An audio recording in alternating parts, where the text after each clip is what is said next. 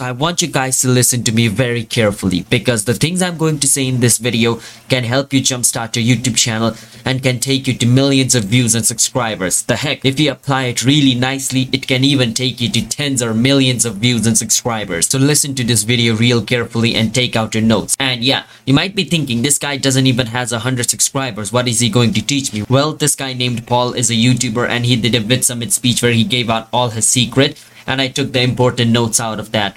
So I'm going to tell you over here so you don't have to buy VidSummit to just watch that and get the tips. So listen to me very carefully. The first thing is the spaghetti approach in YouTube is bad. Is when you upload random content thinking it works. So the spaghetti system of YouTube, if you do not know, make whatever type of content you want and start throwing it on the wall. Like if you make spaghetti and start throwing it on the wall, the nice spaghetti sticks. The spaghetti that is bad, they do not stick to the wall. So similar as that you start making random content and you start uploading and the one which gets views and sticks sticks. It's not good. I mean it's not like you might go on uploading thousands and thousands of video until you find the correct one. It is a good approach but what if you do not find it for 10 years 15 years right? And you try this method and you can find it in one or two years. So i will suggest you to listen to this video really carefully.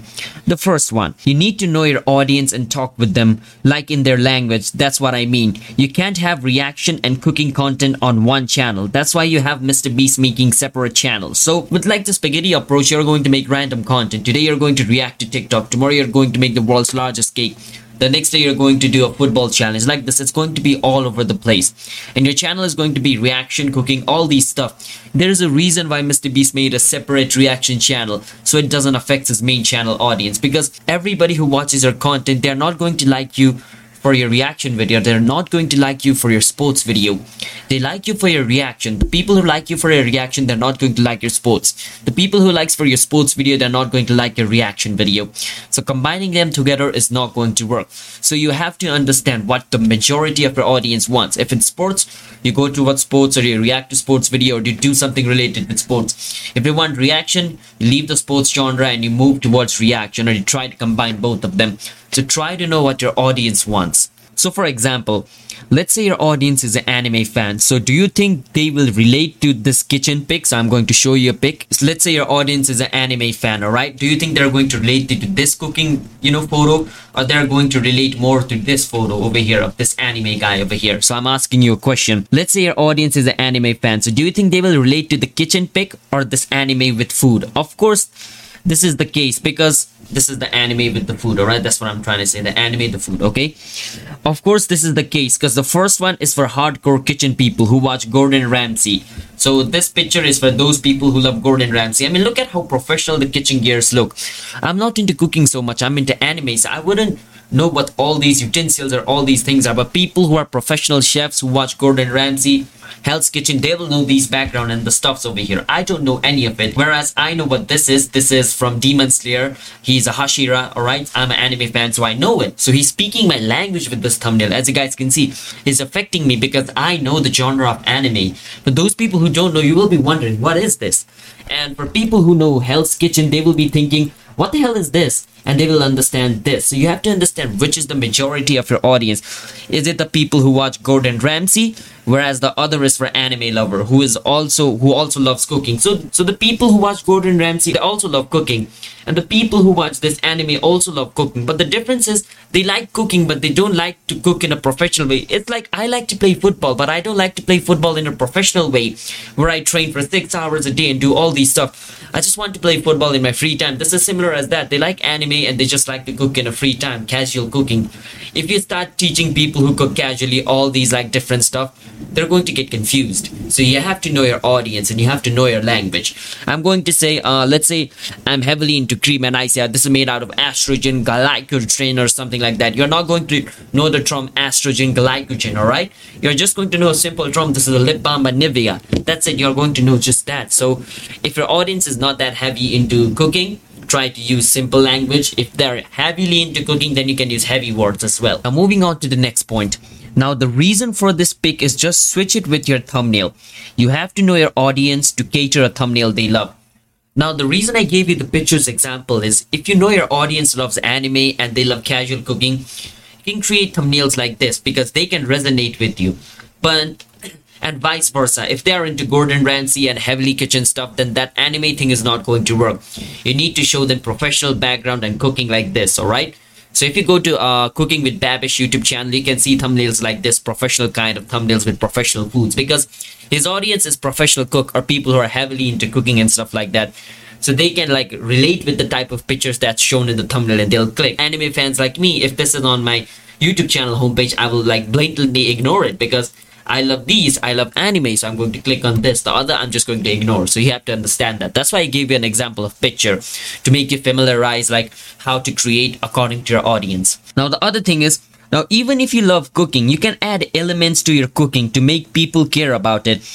The main thing is you have to make people care about it.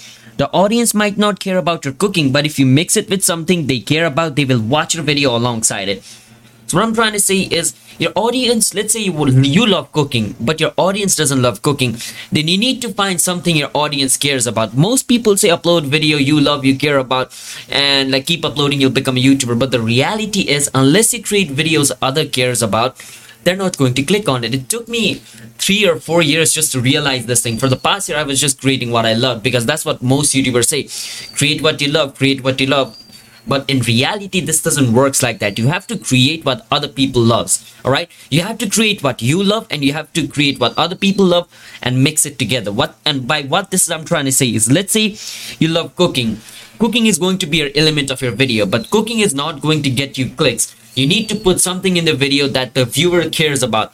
Let's say for an example anime. I love cooking my viewer loves anime. What i can do is I can cook anime dish. Now I just mixed two things. One thing cooking which I love, other thing anime which my viewers love. I mixed it together and created a video. So I'm not saying make videos which you don't care about. I'm saying make videos you care about, but make sure there are element to capture your audience. So you need to know what your audience cares about and you can mix it together with what you care about and create a video. Alright, so that's the main thing.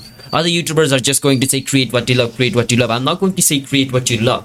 I'm going to say create what you love but mix it with things which your viewers will care about as well. Otherwise you're the only one who's going to watch your video. Think of your niche or genre if you're confused. Okay. So if you're confused and you have to think of your niche or genre. How you can do that is ask yourself would you rather talk with people who love football or food? So this is just an example. If you're confused what your niche is or like which type of audience or genre you want to target ask yourself if i'm sitting at a table with the people then what are the types of people i want to talk do I want to talk with people who love anime or do I want to talk with people who love football? You can do that. Let's say you love, oh, I love gaming and I love reaction. Then think, if I sit in a table with people who love gaming and reaction, who would I want to talk with more? You can do that, all right? Just hypothetically think. You don't have to put real people around you. Just think hypothetically, all right? I mean, if you love both, then and in some condition, let's say you love both football and cooking food, what you can do is you can pick football because players also eat. But chefs who play football is not that lot. It's rare. What i'm trying to say is let's say you love both cooking and football and you can't choose then what you can do is you can think okay should i choose football player or should i choose chef? Okay so football players like all the football players love food. All the football players have their favorite food. So I think I should go with that because, okay, let's say for an example, okay, the percentage of people who play football and who love foods, what are they? 100% because players have to eat food, so they love food. But chef who loves cooking and who plays football, what is the percentage of that? It's like less than 10%. Like, if we go statically or if we think mathematically, then it's no brainer that you should choose footballer because every footballers love food but every chef doesn't loves football. Every every chef doesn't has to play sports. So if you look at that then i can choose football right? So i want you to think in that way. If you love both then try to choose one side which gives you more advantage rather than the other. I mean like it depends on like whichever side you love the most but if you had to choose you can choose like that using mathematical calculation thing. People who love football and food is greater than chef who love food and football. So just like this you can compare and choose a side on to the next point. The video over here with 25k views. I'm going to show you over here. You can see which video has 25k views. I'm going to zoom a bit. The video over here with 25k views or 14k views or 19k views. They are spotty because people are coming and watching that one thing and they are leaving. That's what you are not talking to your audience. You're just talking to one specific person. For some reason wants to see you feed your cat but if you want to build an audience you got to target the actual audience. So from all these videos over here look at this. Uh this look at this. This cat has 14k views and this has 26k 29k 19k 18k some of them at 100k so what he's trying to say is look at the view look at the video with little views less than 50k views. So what they have in common is they are they are spotty okay? So there's one element over here. So let's say uh in this video in this 14k views uh they wanted to see what he fed to his cat. So he so they clicked on his video and then skipped right to the part where his cat was fed because they are there for the cat. So they click on the video and they instantly move to the part where the cat is being fed. They watch the video done. And this is going to be the retention chart of that video. They click the video skip to the main part. It's basically a u-shaped kind of you know retention chart over here. And i can't show you animation or anything so this is basically the chart. They click the video they straight up skip to the end part they see the end part leave which means in the middle nobody cared about. So these are the kind of video that does less views for him. So you so if your video is also doing that then the thing is you're not talking with your audience okay? Because you're only talking with that one specific person who wants to randomly watch you feed your cat or who wants to watch you uh make a honey lemon what's that? A honey lemon yeah a honey lemon something. I don't know what this is. So yeah it's basically like i did with my video as well. I made the world's largest starbucks cup.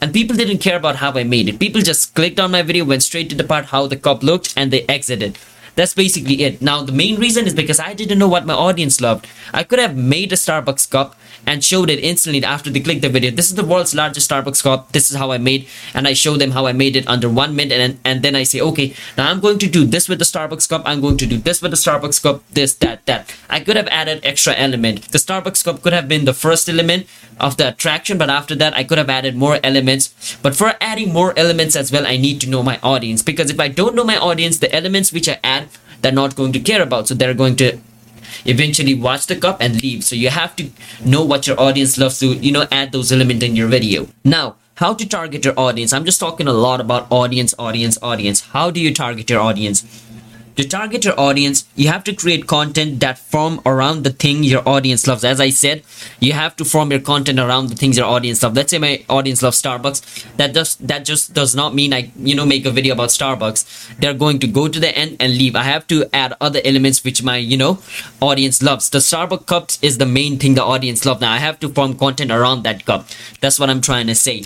Elements. Try to know what other elements your audience loves okay? Create content which forms around the things your audience loves introducing your skill which you have cultivated over a long period of time. That skill could be cooking football gaming etc. It doesn't matter. In a way it should break barriers to get fan. That's what it's trying to say. Let's say my skill is I could make great things, right? Starbucks cup. I could make Starbucks cup, right? But I need other elements as well to attract the audience or to make the audience stay in the video. So yeah, I hope I was able to break it down. But if I was not, there's a link of a Discord in the description. You can click there and you can communicate with me. I'm on the Discord always. You can message me. I'll answer you if you have any questions about this video or your YouTube channel or your thumbnails or anything. You can ask there. There are many other members who will help you there as well and I'll also be there so you can help me and I can help you as well. So if you're serious about, you know, growing your YouTube channel, you can join my Discord. It's free. It's literally free. If you don't join, I, even after I'm providing all these value and even after I'm saying it's free, then you're lazy and you don't want to become a YouTuber. So moving on to the next point. So if you're starting your channel, just laser focus on your audience. I have talked so much about audience, so I think now you know the importance of knowing your audience. So I would want you to laser focus on your audience. So go outside and start writing who you want to talk to. So if you don't know your audience, grab a pen and paper. I have it over here like this. Grab a pen, grab a pen and paper, go outside where it's quiet, sit in a place alone and think who you want to talk to or who your audience is that you want to target, okay? Do that. That's your homework right now. Go do it instantly. But before that, subscribe to my channel and go join my Discord. And if you're on Spotify, follow me and Apple Podcast as well, same. And leave a five-star review another point because you're one video away once you hit that one video that is related to the other video of yours youtube will blow your channel up. And i don't mean youtube will literally blow your channel. By that i mean you're going to get millions of views. You're just one video away. If you're creating food video consistently and one of your food video blows up you get a million views on your video right let's say you get only 1k views on all of your video but suddenly one of your video gets 1 million views. Then if that video is related with all your other videos let's say that cooking video is related with your other cooking video then youtube will grab your other video and throw it on that 1 million people's face because you they loved one of your video they might love your other video just like that. Once one of your video gets traction the other videos will slowly get traction as well. That's why youtube is that's why youtube has a chance of exponential growth. Even mr beast for five years he had this growth and one of his video blew up boom and and he's still going up so you have to understand that right? So yeah that's it for today's video. Watch this video. I'll see you guys in my next video. Bye bye and people who are listening on spotify apple podcasts follow me and subscribe to this channel for weekly youtube related stuff. And join my discord. It's it's literally free